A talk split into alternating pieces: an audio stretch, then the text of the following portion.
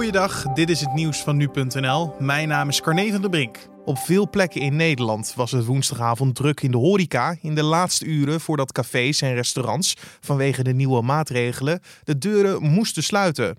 Beelden van feestende mensen op het plein in Den Haag leidden wel tot ophef op sociale media.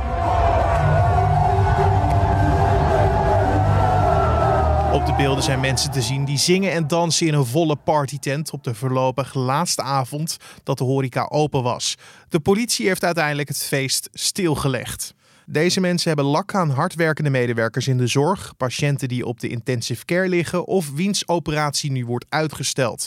Al dus burgemeester Jan van Zanen van Den Haag. Er wordt nu onderzocht of er stappen genomen moeten worden tegen deze horecazaak en zijn bezoekers.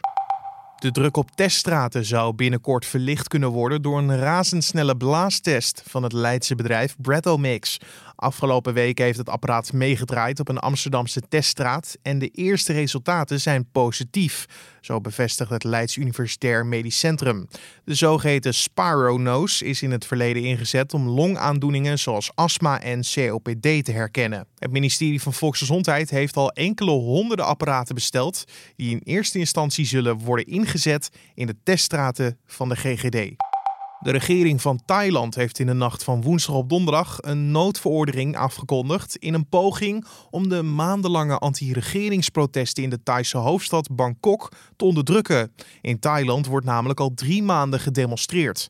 Betogers protesteren tegen de macht van generaal Prayut Chan-o-cha, die sinds 2014 na een militaire coup premier is geworden.